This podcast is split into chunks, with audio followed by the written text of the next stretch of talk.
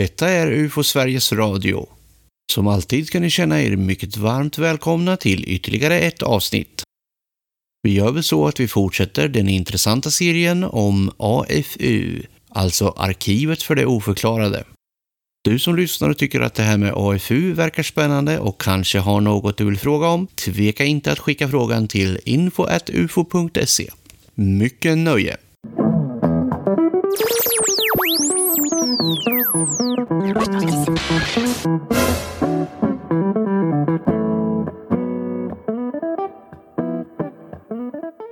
här med kronologi är inte alltid det lättaste att hålla sig till, men Anders och jag, Tobias Lindgren, gör naturligtvis vårt bästa för att komma ihåg att hålla oss till tidslinjen, som är den röda tråden i serien om arkivet.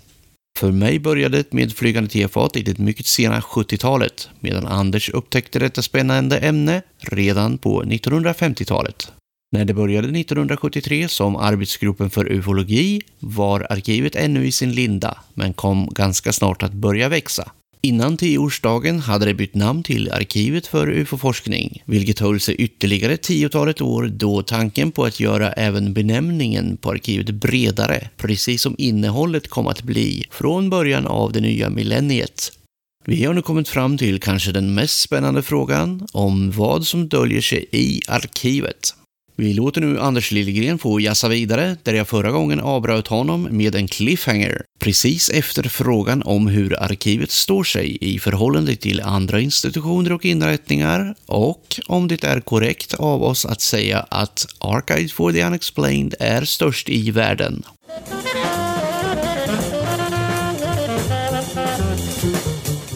Ja, ja, genom Hillarys samling till exempel så står vi oss ganska väl mot eh, andra paranormala arkiv och sådär. Vi, vi, eh, vi har 35 000 böcker i, i, i, biblioteken. Det finns ju bibliotek, till exempel Freiburg-institutet som eh, startades av Hans Bender och som då jobbar mera med utgångspunkt från parapsykologi. De har dubbelt så mycket böcker. Då är det fokuserat runt parapsykologin. Vi är fokuserade runt UFO kan man säga har det som centralt tema. På UFO-området så tror jag att vi har god täckning för att kalla oss för världens största. Jag har själv varit nere i Italien och tittat på ett liknande arkiv och eh, det är ju de har ju internationella tidskrifter, de har det italienska materialet sådär va, men de har till exempel inte ett omfattande bibliotek där.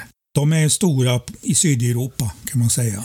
Eh, sen finns det ju då, eh, har funnits ett arkiv i Chicago eh, som drevs av Center for UFO Studies och de hade inte råd att följa med i hyreshöjningarna så att de var tvungna att flytta ut det där från en lokal de hade till ett antal lägenheter och villor runt Chicagoområdet. Och där får man åka och besöka, knacka på hos privatpersoner. Men det finns kvar, det spreds inte för vinden? Nej, nej. Eh, och eh, vi har ju en kollega i USA som, eh, som håller på och digitaliserar det här materialet. Så det kommer vi förmodligen så småningom att få ta del av.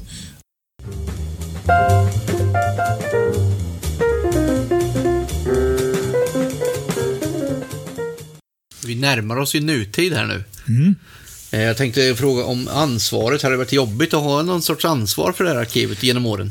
Ja, alltså eh, eh, det var väldigt jobbigt på den tiden man hade ett civilt arbete och arbetslöshetsprojekt som pågick varje dag på dagtid. Va? Så jag har ju liksom både under 90-talet när vi hade de här ALU-projekten och eh, i början på fas 3 de första åren så hade jag ju, jobbade jag ju eh, sex timmar om dagen med datautveckling kan man säga. Så man var ju rätt mm, trött i huvudet ibland. Och, men eh, det är ju bara så att eh, man kan ju inte lägga mera krav på sig än att, än att man gör det man gör och sen så, det som inte blir gjort, det blir inte gjort. Sen gäller det ju lite grann att prioritera. Så det jag, det jag har prioriterat bort kan man säga, det är ju genom åren egen forskning, eget skrivande som jag kanske skulle vilja ägna mig åt. Det var det jag var lite inne på med det ufo-intresset och, Ja. och den biten. Ja, eh, jag skulle ju gärna vilja skriva den där boken om spökflygarna till exempel, på 30-talet. Jag kommer ju aldrig dit och... Men du har materialet i huvudet. Ja, alltså jag, det, jag, jag har ju ett nätverk, en massa eh, idéer och eh, man skulle vilja åka runt på arkiv i Tyskland och Sovjet före detta och, och, och leta och försöka hitta material som kanske löser den här frågan. För att eh, ska man skriva en bok, tycker jag, då ska, man, då ska den vara den ultimata boken. Jag, jag vill inte bara upprepa det andra har sagt. Va? Och du tror att det är tekniskt möjligt att kunna göra det? Det skulle kunna vara det, men det, kom, det skulle kosta jag har ju sökt pengar vid något tillfälle för det här, men de, de pengar man får tag i det är ju bara Kaffepengar? ja, små tusenlappar som inte räcker mer än till en, en biljett till, till, Säffle. till Riksarkivet. och tillbaka. Men om man snackar om det här med de här arbetarna som har varit på arkivet genom åren, då, då kommer man ju även in på politiken.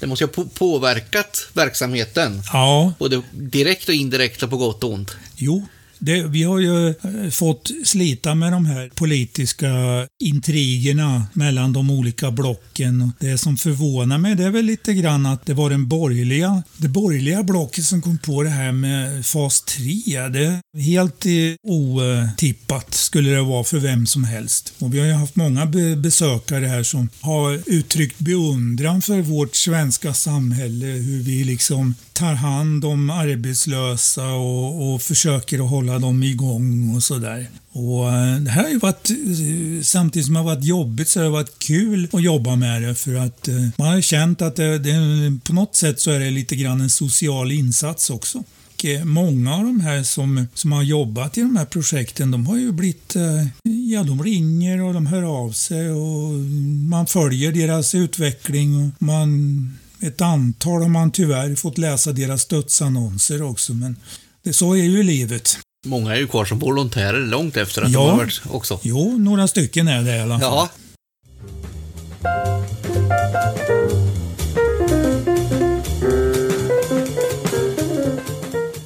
Nu sker ju även ett namnbyte. Den här gången till Arkivet för det oförklarade. Eller som vi brukar säga för att bli lite mer internationella, Archives for the Unexplained. Men fortfarande med akronymen AFU då. Eh, vad vill man med det här nya namnskiftet?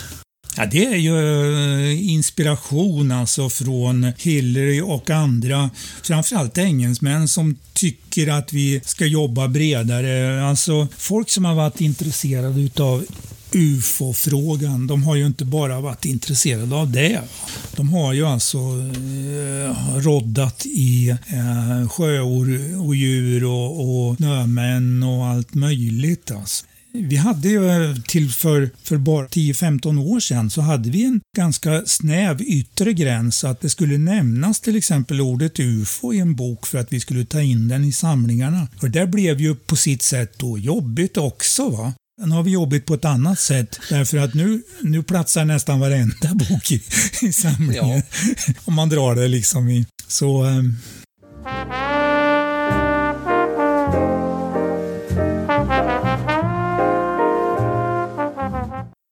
Håller du räkningen på alla visningar och rundvandringar du har gjort genom åren? Nej, det, det, jag, kan jag, det, det är hundratals alltså i de här lokalerna men, men ehm, det är ju, ibland är det jättekul, ibland så är det mindre inspirerande när man, när man stöter på ett sällskap där folk som bara står och gäspar och tycker det är dötråkigt det man säger. Va? Fast man försöker att man skulle ju lika gärna kunna skicka ut folk med nycklar och, och en bandspelare och, och hörlurar. Va? Eh, Ibland kan man komma på lite sådana här kul spår. Va? När någon kommenterar en speciell bok eller så, va? Då, då får man ju haka på det. Vad säger du, orkar du vi ta lyssnarna på en liten virtuell tur genom arkivet? Tänk att vi är en liten grupp som går en rundvandring genom lokalerna. Ja, Ska vi börja i lokalen där ni flyttade in 1980? Där jag också åt min första ufo-pizza. oj. Ja, eh, Ja, den, den, den lokalen den eh, använder vi ju numera som, som eh, sorteringscentral eh, kan man säga. Så när det kommer stora samlingar från England eller USA så kommer ju de på pallar och då är det så vist att det får plats ungefär fyra, fem pallar på en egen liten asfaltyta utanför som inte stör någon annan. Så vi, vi har en eller två dagar på oss att lasta av de där pallarna och i lugn och ro ganska i alla fall. Och eh, då hamnar materialet där i den, den källaren då som är vårt ursprung från 1980. Och så. Där sorterar vi upp samlingarna och delar upp vad som ska till bibliotek, vad som ska till tidskriftssamling, vad som ska gå in i personarkiv och, och så. Va. Lokalerna byter skepnad med åren alltså? Så har det varit. Och den här lokalen, den har ju, vi, vi hade ju en, en enormt jobbig period mellan 2004 och cirka fem år framåt, 2008-2009 sådär, när hela det här bostadsområdet renoverades. Eh, vilket innebar att det var inte bara lägenheterna som renoverades utan även källarytorna och eh, vi fick alltså flytta på eh, kärra mellan lokalerna så att det mesta av det vi har har flyttats om flera gånger. Det är många ton som har burits genom åren. Men i nästa lokal som ligger vägg i vägg? Ifrån den, ja det är ju den, en av de senare lokalerna som vi har kommit in i som vi då de, än så länge delar med en annan förening och där har vi byggt, där har vi byggt ett, ett av våra fyra bibliotek som då eh, koncentreras ren, runt eh, psykologi och sociologi och konspirationsteorier. Sen har, har vi där också en, eh, ska vi säga, en samlingslokal där vi kan, vi har haft vår julfest där något år och med stora ytor som är jättebra för mig när jag ska sortera någon bra samling som kommer in när jag vill ha stor bordsyta. Det är alltid en bristvara kan jag säga eh, med allt som kommer in här, sorteringsmöjligheter. Och hur brukar rundvandringen fortsätta sen då? Ja, sen kommer vi ju till det vi kallar för Evans-biblioteket som då har döpts efter Hillary Evans. Det är ju väldigt mycket hans böcker som står där. Det är ju fina böcker från 1600-tal och framåt. Och han var ju en bokvårdare också så att hittade han något skräpigt exemplar på ett franskt antikvariat så såg han till att binda om det här, i, gå till en bokbindare i London och, och få det omsett. Så eh, det är ju på det sättet också en väldigt fin samling som vi sen håller på att komplettera hela tiden. Då. Och, eh, säga, det biblioteket består ju i princip av tre rum. En hall där vi har eh, Hillarys tidskrifter, hans fina tidskriftssamling med eh, till exempel en, en komplett samling av det brittiska sällskapet för eh, psykisk forskning. Deras eh, Journal och Proceedings ända sedan 1882. Och det här är vi absolut ensamma om i Sverige och eh, möjligen har sällskapet i England som fortfarande lever kvar. De får man hoppas att de har en uppsättning på sitt bibliotek. Men det här är vi ju ganska stolta över. Vi har också en ganska eh, komplett samling nästintill på en volym Eh, en samling av en antropologisk tidskrift som heter Folklore som beskriver folktraditioner från hela världen eh, som kanske har kopplingar till det vi sysslar med. Alltså folktraditioner om vättar, små troll och de små underjordi och sådär. eh, lokala traditioner från hela världen. Alltså. Den, den har getts ut då sedan 1800-talet, så den har vi komplett, förutom en enda årgång som, som Hillary eh, tyvärr lånade ut och aldrig fick tillbaka tydligen. Men det kanske går att komplettera någon gång? Det kan man ju jobba på, visst. Eh, men i den lokalen så har vi också ett rum då med religionslitteratur. Och eh, då, då är det ju religion på ganska brett. Vi är inte så där jäkligt intresserade, förlåt svordomen, men vi är inte så jä jäkligt intresserade utav eh, kristen litteratur. Eh, men vi har lite sånt också, alltså udda kristna rörelser, utopirörelser, religiösa kulter. Vi har rätt omfattande samlingar utav nutida eh, ufo-kulter alltså. Typ raelianerna och scientologerna och sådär. Så eh, den avdelningen faller under bokstaven R. Och sen på andra sidan så har vi hyllor med avdelning M som är mytologi och folktro. Och eh, där samlar vi med hjälp av Hillary då som, som också var intresserad mycket av det här liksom då av gamla folktraditioner och så. Sånt håller vi på och samlar och bygger på eh, också med svensk litteratur om folktro i den mån vi får tag i det. va. Sen i samma rum så har vi P-avdelningen som då är paranormal litteratur med utgångspunkt från parapsykologi. Alltså, ska vi säga ett vetenskapligt studium utav paranormala händelser som är knutna till personer mera än till yttre företeelser. Då. Mediumism och poltergeist och sådana här saker. Spiritism. Och där finns ju också mycket runt okultism. Okult rörelser har ju genom åren spekulerat mycket i tassemarkerna där, där vi nu rör oss som ufologer idag och där fysiker rör sig omkring den nya fysiken. Man kan säga att mycket går ihop på något sätt. Va? Det är nästan samma tankar. Va?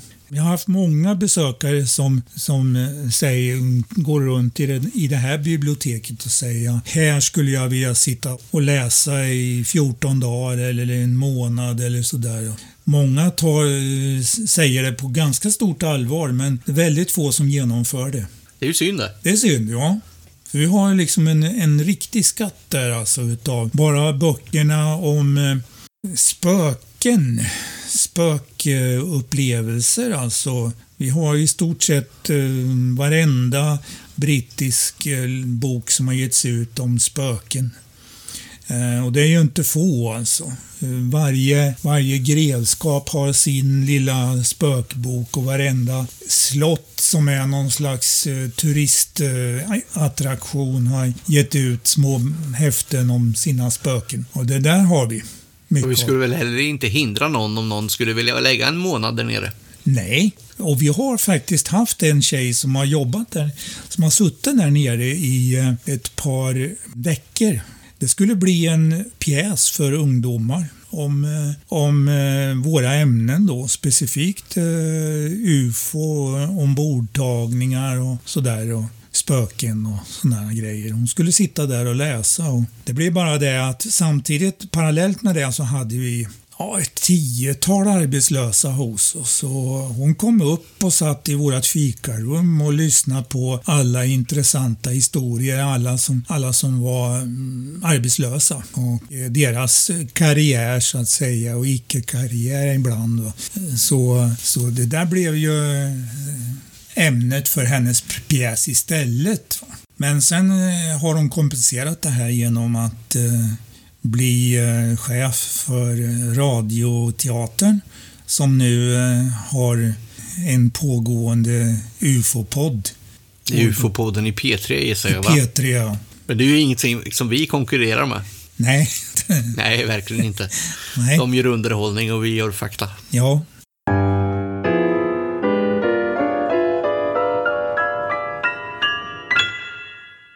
Du snackade om att hon var inne på UFO där, då var hon säkert inne i den andra lokalen också. Jag menar nästa bibliotek. Ja, inte så mycket faktiskt. Eh, hon var mest intresserad utav, för jag var där och jag var till och med och köpte ett värmeelement för att hon skulle inte skulle frysa ihjäl där. Våra källarlokaler är ju ganska kalla. Så att eh, men eh, nej, eh, lokalen, eh, huset intill, där har vi ju vårt huvudbibliotek då som vi betraktade med all ufo-litteratur och Fortiana. Behöver vi förklara det? Ja, varför inte? Det brukar jag göra för de flesta besökare faktiskt. Det är väldigt få som har kunnat knäcka det här. Det brukar vara en fråga från min sida. Vet du vad Fortiana är? Och väldigt få som vet det. Då ska man ha varit inne i de här ämnena ganska länge. Det fanns en eh, amerikan som hette Charles Fort. Som, han fick ett arv av en moster. Så han kunde göra precis vad sjutton han ville genom hela livet. Och eh, han var ju intresserad av udda fenomen och eh, han satte sig på arkiv och bibliotek i eh, USA och i England Ibland tog han båten över till England och jobbade där ett tag och eh, läste gamla vetenskapliga tidskrifter då. Tog fram allt sånt där som, som vetenskapen hade snuddat vid men kastat bort sånt som man då, eh, som inte passar in i den eh, vetenskapliga världsbilden. Till exempel att någon astronom på 1800-talet hade sett en meteor som helt plötsligt bara vände i luften och gick åt motsatt håll. Sånt där eh, samlade han och gav ut fyra böcker mellan 1919 och 1931. Det här gav ju upphov till en, en rörelse, eh, till att börja med någonting som heter Fortian Society i USA. Charles Fort han var lite bekymrad över det. Han ville inte bli utsatt för någon slags kultdyrkan liksom och uppsatt på någon pedestal. Han, han, var motståndare till det här. Det var under hans livstid? Ja, det var under hans livstid. De började på 30-talet där, när, precis efter han, Charles Forts sista bok hade kommit tror jag. Eh, och sen levde de ju kvar fram till 40-talet och levde med in i det här fenomenet då, ufo-fenomenet, när det kom 1947. Så de skrev, var ju bland de första första som tog upp det.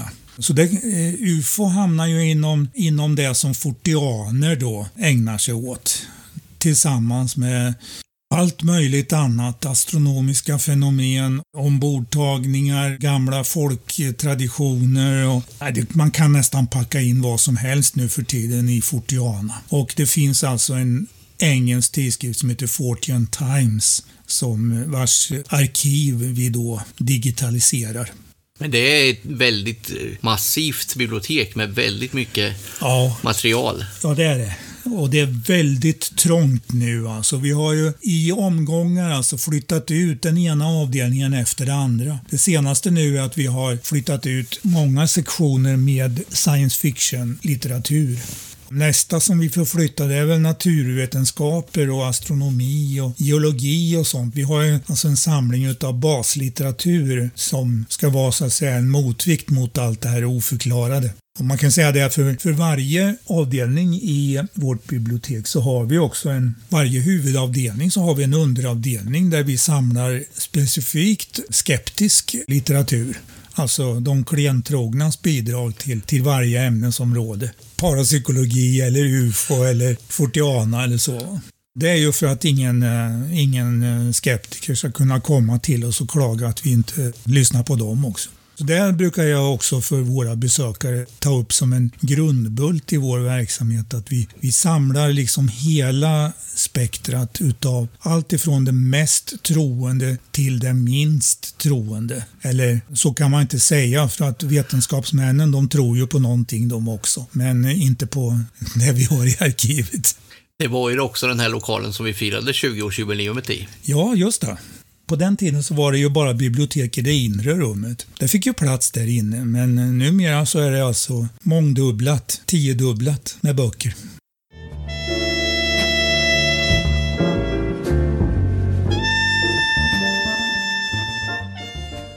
När ni går vidare sen då till nästa lokal, vart hamnar vi då?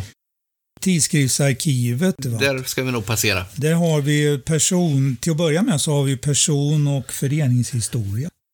Som då min kollega Håkan har specialiserat sig på. Så det är han som har byggt upp mycket av det vi har där. Eh, det är ju material från i stort sett alla föreningar som har existerat eh, på, på UFO-sidan i varje fall genom år. Även eh, alla som vi lyckas värva material från som har ja, bortgångna människor eller, eller folk som har tröttnat helt enkelt eller ja, där släktingarna inte har vetat vart, vart de ska dumpa materialet. Bättre att ge det till oss än att Ja. slänga, det, i- slänga det i containern. Ja, och vi har ju råkat ut för ett antal närkontakter, jag på att säga. Att vi har, vi har nästan blivit av med material som hade varit värdefullt. Och Gösta Rehns eh, samling är ju en sån. Han hade ju ägnat halva sitt liv åt att korrespondera med amerikanska experter på det här området. Heineck och Klass, Philip Klass och hela den där korrespondensen höll ju på att gå i soporna i Bromma 1986. Och det var kan man säga, det var vårt första riktiga, riktiga, ska vi kalla det för kap. Det har vi också digitaliserat och det har faktiskt hjälpt eh, till och med författare i USA då som, eftersom vi har eh, korrespondens med, med amerikaner där motsvarande material har försvunnit i USA. Det har vi kunnat hjälpa till. Sen har vi ett inre rum där, där vi har hela tidskriftssamlingen och den är ju då i så här kompakthyllor, rullhyllor. Det var ju det du drömde om. Just det. Det det drömde jag om.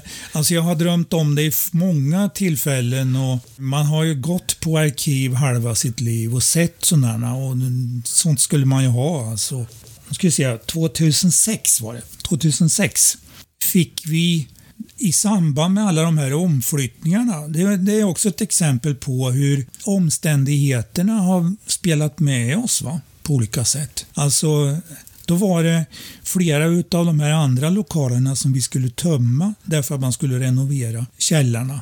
Byta dörrar och sådär i lokalerna och byta rör. i- Alltså vi har ju rör i varenda lokal nästan. Va? Det är ganska råa lokaler egentligen. Ja, det är det ju. Vi fick låna en lokal som hade använts utav hyresbostäder som förråd. Jag höll på mm, ett halvår och kärra material och Sven-Olof hjälpte till och Håkan. Och, ja, vi, det var ett stort projekt att flytta allting som vi hade, även på den tiden. Och där fick vi ju löfte på att behålla den här lokalen. Vi behövde ju mera yta, så när, vi, när det sen blev aktuellt så behövde vi inte flytta tillbaka mycket av det här, utan det var bara vissa delar som vi flyttade tillbaka, utan vi tog, eh, hyrde den här lokalen och då fanns det ett inre rum där som var ganska ganska stort och på den tiden så fanns det Riksarkivet hade en, eh, en nämnd som hette Nämnden för enskilda arkiv där man kunde söka bidrag eh, för att bygga hyllsystem. Det här har ju eh, sen genom den moderna kultursamverkansmodellen försvunnit. Så den här möjligheten finns inte längre. Så vi, vi hade ju liksom, vi var rätt i tiden där kan man säga och vi fick underskrift för, från några lokala arkivarier här då att vi behövde de där hyllorna och vi skickade in en ansökan till den här nämnden och fick 85 000 för att köpa begagnade hyllor på räls alltså. Det här var ju ganska besvärligt och det hade vi aldrig fixat att, gö- att lägga själva. Alltså. Utan vi hade ju en firma då som, som eh, var där och eh, alltså golvet var ju snett. Om man la en kula i ena änden så, så rullade den automatiskt. Va? Så det var inte så lätt att bygga räls där som, som hyllorna skulle rulla på va? utan att rulla iväg. Det tog någon vecka att bygga det där men vi fick ju väldigt, eh, det var ungefär 450 hyllmeter. Det här har vi ju med åren sen då fyllt på olika sätt och nu, numera så är det bara tidskrifter där från hela världen. Det är de här 80 000 tidskriftsnumren ungefär. Sorterade per land och per titel, per tidskriftstitel. Vad är det som imponerar mest på besökarna i den lokalen då? Det är väl det här att de, att, att de, de kommer in i ett eh, riktigt arkiv med rullhyllor med sådana här drag... Rattar ja. Ja, de här hyllorna har ju stått på SMHI tidigare. Så jag, jag var ju faktiskt uppe där och såg dem innan de flyttade någon gång. Jag var ju uppe och forskade i, i vädret eh, i samband med någon UFO-observation.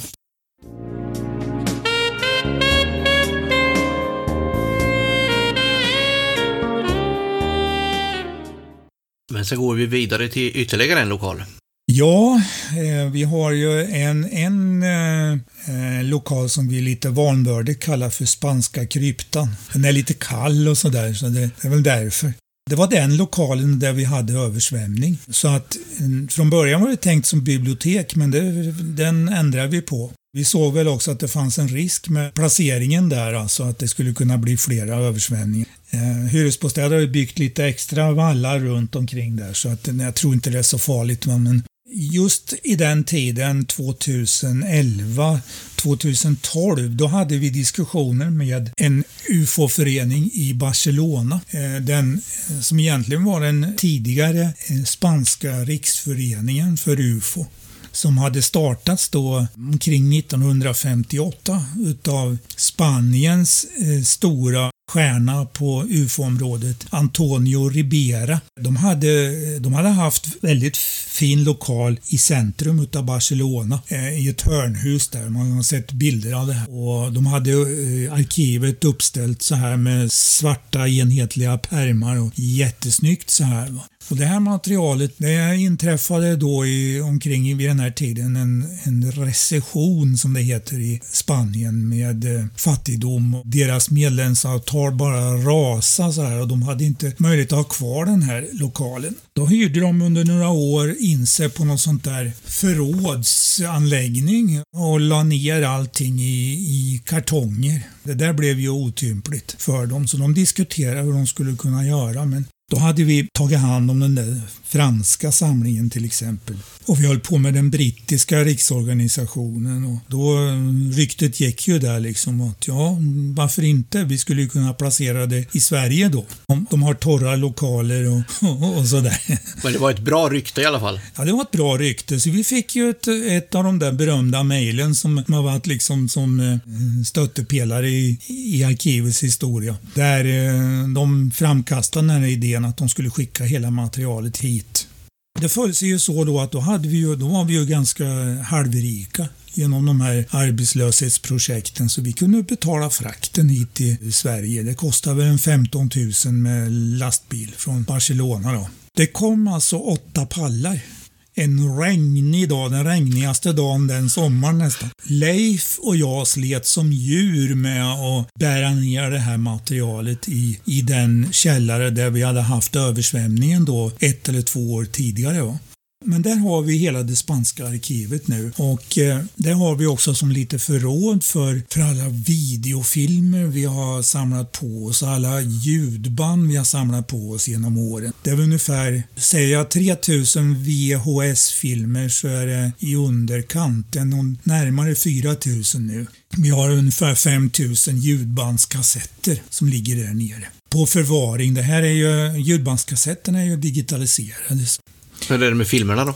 De är begränsat antal, ett hundratal är digitaliserade. Många av dem är ju kommersiella spelfilmer och SF och Då sånt finns det där. kanske ingen anledning att Nej, digitalisera dem? det är ingenting som vi ska göra. Vi håller på, mm, vi har en volontär som hjälper oss med att eh, som kommer att hämta 50 band i taget och sitter hemma i Uppsala och, och, och jobbar med detta.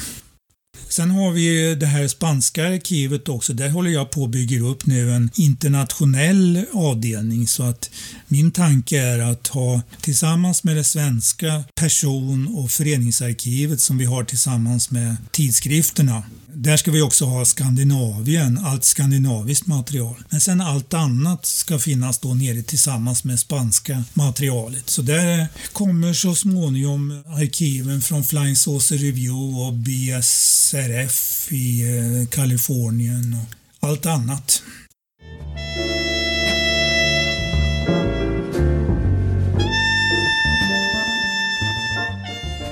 Vi har ytterligare en lokal ganska nära den spanska, va? Ja, det är den, den vi senast har hyrt som då är dels ehm, förvaring för eh, UFO Sveriges utställningar och vi ska ockupera en del för våra, våra utställningsmaterial, alltså museiföremål som vi har samlat på genom åren. Och vi har också på att flytta allt science fiction dit.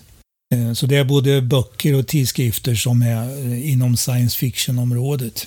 Du ska inte säga något mer om science fiction-området. Några kanske tycker att det är lite off jämfört med det här andra vi har berättat. Ja, eh, det, är ju, det har ju alltid varit genom, genom historien så har man alltid fått veta så här att det finns en, någon slags motsättning mellan SF-nördar och ufologer. Va? Den ena säger att ni pratar ju bara om det som vi har hållit på med och tvärtom. Va? Det här är lite kul, men eh, jag, jag, jag är själv inte intresserad av science fiction speciellt. Jag har inte läst mycket om det, men jag, jag är lite fascinerad av framsidorna på gamla amerikanska SF-tidningar och sådär. Och har ett litet, jag håller på, eftersom jag håller på att jobba med det precis nu så har jag ett litet eh, privat projekt att studera de här framsidorna. Det på 30 och 40-talet, då var det ju bikinibrudar alltså. Som blev kidnappade av blå varelser eller något sånt där. va. på en fjärran planet. Men sen 1947, då, då drog ju hela, hela eh, SF, eh, alltså hela SF-området drog ju fördel av eh, de flygande tefaten. Så då blev det väldigt på varenda nummer nästan, så är det ett tefat. Va? Eh, möjligen är den där kvinnan kvar då liksom för att behålla publiken. Men tefaten hade de inte förutsett. Eh, det finns alltså ett, ett fåtal exempel som, mm, vi har ju en kollega i Spanien som har donerat sitt arkiv till oss. Han eh, hävdar ju liksom att SF var före. Det fanns eh, avbildningar av det här men jag tycker ju att det, det, de jag har sett är mera slumpmässigt. Alltså, lyckoträff. Ja, en lyckoträff. Man har gjort ett litet runt flygplan så här med lite utblåst där bak. Men ja, det är inte riktigt tefat alltså.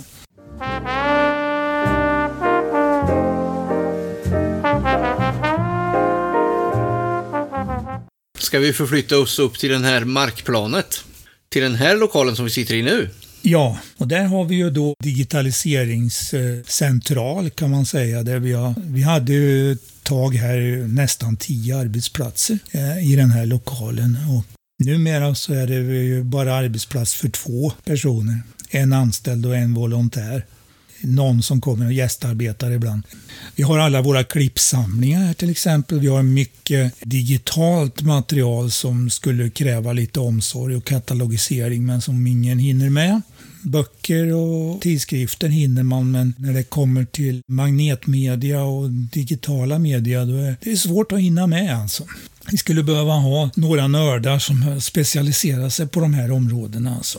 Så om det är någon som hör någonting så tänk på att vi finns. Ja, ja, ja visst. En science fiction-nörd skulle vi gärna ta under vårt paraply som, som skulle kunna vara intresserad och utveckla den avdelningen också. Va?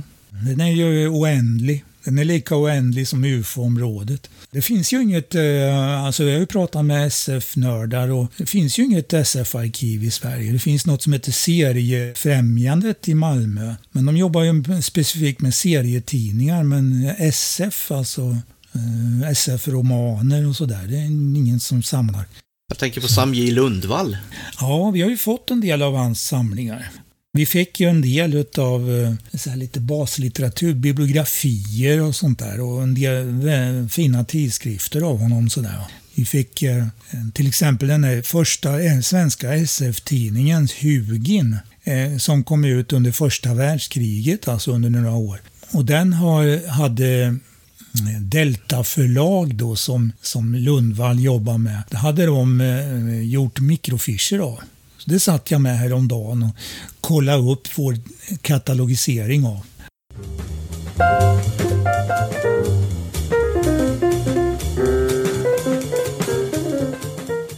Då vandrar vi väl in i själva huvudkontoret. Huvudkontoret, ja. Där, ja. där har vi ju mm, rapportarkiven. Svenska och danska rapportarkiven till att börja med. Det är väl det, det stora som finns där inne. Och Arbetsplatser, ja. Kansli kan man säga. Ja, kan man säga. Och en, ett stort runt bord där vi sitter och fikar med cirka tio sittplatser. Fika är alltid viktigt. Fika, fika. Important. Men vi har ju också det här som vi brukar kalla för AFU Shop. Ja, där har vi ju vår, i huvudsak vår bokförsäljning. Och det är nu du ska pusha för AFU Shop. Ja, vi finns ju sedan 2014 i början. Vi har, vi har firat femårsjubileum. Så finns vi på nätet på någonting som heter afushop.se. Där hittar man världslitteraturen om UFO, speciellt den gamla litteraturen. Den som är från eh, 15-20 år och bakåt i tiden alltså. Allt som kom ut under 50, 60, 70, 80-talen sådär. Och det har vi ju gott om exemplar av. Vi, eh, vi har ju ett, ett system så att varje samling vi tar in så väger vi av så att vi sparar max två exemplar utav boken i vårt bibliotek. Och eh, sen eh, går nästa exemplar som kanske är lite sämre då i skicket. Vi sparar alltid de bästa för oss. Men eh, då, då går det till försäljning och eh, vi har väl just nu kanske en 5000 artiklar ute. Ett par tusen böcker och vi har eh, väldigt mycket tidskriftsnummer och då kan man, vad gäller tidskrifter så kan man oftast köpa enskilda nummer. Alltså man har missat nummer 3 2007 av UFO Aktuellt eller lånat ut den. Då kan man skriva till oss och beställa. Komplettera där ja. Ja. Men det är i, i princip är antikvariska böcker. Ja, det är det ju. Även om de, Ja. en del är helt tipptopp Ja, kvalitet. det, det händer ju att vi får alltså ett litet lager av kanske 10, 15, 20 böcker från någon donator va, av någonting som de har gett ut. Va. Så det, de stoppar vi in också.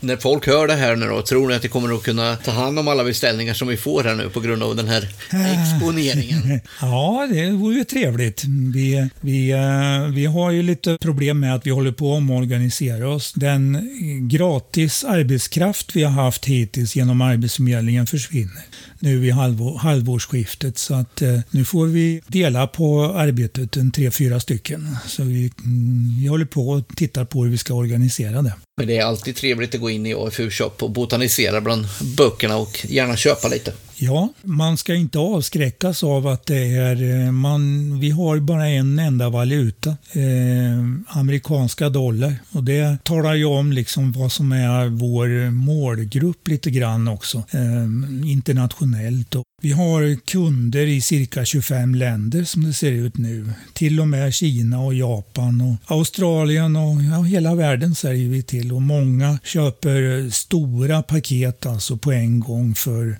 och kanske 400 dollar, så där kan det gå ibland. Det ger ju lite grann eh, intäkter till vår verksamhet. Och som det sett ut nu det sista året så har ju den, de pengarna gått till att betala den digitalisering vi gör. Jag skulle komma in på det. Det är många som säkert tänker på att det inte är gratis att driva ett sånt här arkiv. Nej, Hur gör man då? Hur funkar det ekonomiskt? Vi har ju en sponsorgrupp, ihärdiga svenskar som, som år efter år donerar från en 50-lapp och upp till tusenlappar ibland eh, per månad eh, per person. Den här gruppen betalar i princip nästan våra källarlokaler. Och sen har vi ju ett litet hål alltså, som vi får täcka på diverse sätt genom udda bidrag vi får, vi får ju ibland eh, folk som tänker på oss med testamenten och sådär. Eh, man önskar att det var mera sånt. Eh, vi fick till exempel från en engelsman här 112 000 som han hade testamenterat till oss. Dessutom hade vi fått hela hans jättestora boksamling. Det finns snälla människor. Men det har inget att säga om det här med testamentering, om det är någon som funderar på det. Vad som helst kan ju omsättas i form av pengar. Har man tankar åt det här hållet och tycker att det skulle vara värdefullt att hela det här materialet bevaras i framtiden så eh, vi håller ju också på och tittar på en crowdfunding-kampanj som kommer att gå igång eh, senare i år. Där eh, vi eh, hoppas kunna samla in miljoner. Ni som lyssnar på podden kommer säkert att få höra om den mer framöver. Ja, den kommer att pratas om tror jag.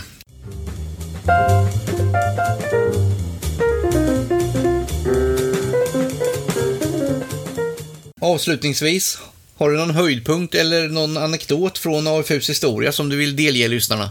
Oj. Ehm, Stort som smått. Vi har ju haft många intressanta och roliga besökare genom åren.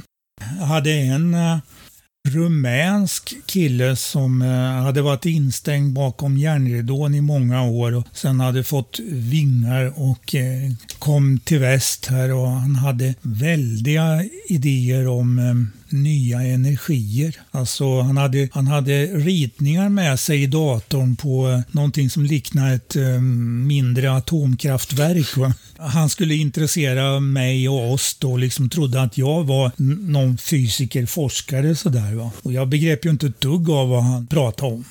Den här typen av... Vi har förresten eh, fått en granne till en av våra lokaler här. En kille som håller på med något liknande. En, eh, utvecklar en motor som ska, som ska ge mera kraft än vad man stoppar in. Det är inte perpetuum mobile, det säger jag. Nej, det är det inte. Det är ingen sån där. Men eh, nästan vi, vi konfronteras ju med, också med, med många som har haft upplevelser av eh, väldigt udda slag. Just nu så har jag en person som jag ska träffa som eh, påstår att hon har blivit ombordtagen och har haft ett liv av sådana upplevelser. Vi får se vad det leder till. Jag höll på med en sån historia på 70 80-talet. En lokal här i Norrköping. Det var en kvinna som hade haft eh, ufo-observationer och eh, påstod att hon hade tappat tid och sådär. Jag försökte ju efter bästa förmåga att kolla upp det här men eh, hon åberopade till exempel en eh, skolkamrat från ungdomstiden som skulle ha varit medvittne till en av de där grejerna. Jag ringer upp den personen och nej, jag har aldrig sett något till slut så blev man ju lite, sådär lite mm, fundersam och besviken alltså på den där historien. Sånt återvändsgränder alltså man kan lägga ner väldigt mycket tid på. Saker som man kanske inte upplever som trovärdiga. Då får vi verkligen tacka dig Anders för att du tagit dig tid att vara med i UFO Sveriges Radio. Varsågod. Förresten, har vi sagt vad kopplingen mellan AFU och UFO Sverige är? Nej, det är ju eh, en personunion eh, kan man ju säga. Och UFO Sverige är ju en medlemsorganisation AFU är ju en stiftelse. Ibland så eh, händer ju att folk eh, blandar ihop de här två. Även vi hänger väl ihop som ler och långhalm kan man säga. Men det är trots allt några, någon typ av vattentäta skott emellan de två entiteterna? Ja, det är en vattentätt skott, till exempel skilda ekonomier som har olika konton att betala in till. Och det kan ju bli, ibland bli lite misstag och sådär. Vi lever väl ganska fredligt bredvid varandra mer eller mindre. Då får jag tacka dig Anders än en gång. Och tackar så mycket. Ni som nu inte har plats för fler ufo-böcker i era hyllor, men ändå känner att det skulle vara kul att hjälpa till, får gärna vara med och sponsra arkivets verksamhet och fortlevnad. Enklast gör ni detta genom att donera en slant på Swish till numret 123 615 8935 och i meddelanderutan skriva AFU. Mycket mer information om AFU och hur ni kan bidra hittar ni på afu.se och ufo.se. En bok som ni garanterat inte har, men som ni redan har sett ut en fin plats för är Verklighetens arkiv X. Ett kommande praktverk om, ja just det, Archives for the Unexplained. Så håll utkik efter den boken när den kommer i september.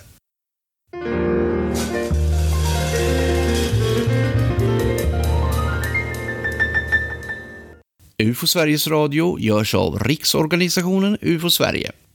Det tål att upprepas. Om ni vill veta mer om UFO Sverige och AFU, besök gärna våra respektive webbplatser på ufo.se och afu.se. Ni som har koll på sociala medier vet var ni hittar UFO Sverige. Vår frågelåda är som vanligt väldigt hungrig på fler mejl från er lyssnare. Inga frågor är för stora eller för små. Skicka dem till info.ufo.se om inte annat så kanske något önskemål om vad ni vill höra i podden framöver. UFO Sveriges Radio finns där ni hittar poddar och vi tackar för att ni gillar vad vi gör. Jag, Tobias Lindgren, avslutar den här gången med att önska er trevlig sommar och säger på återhörande.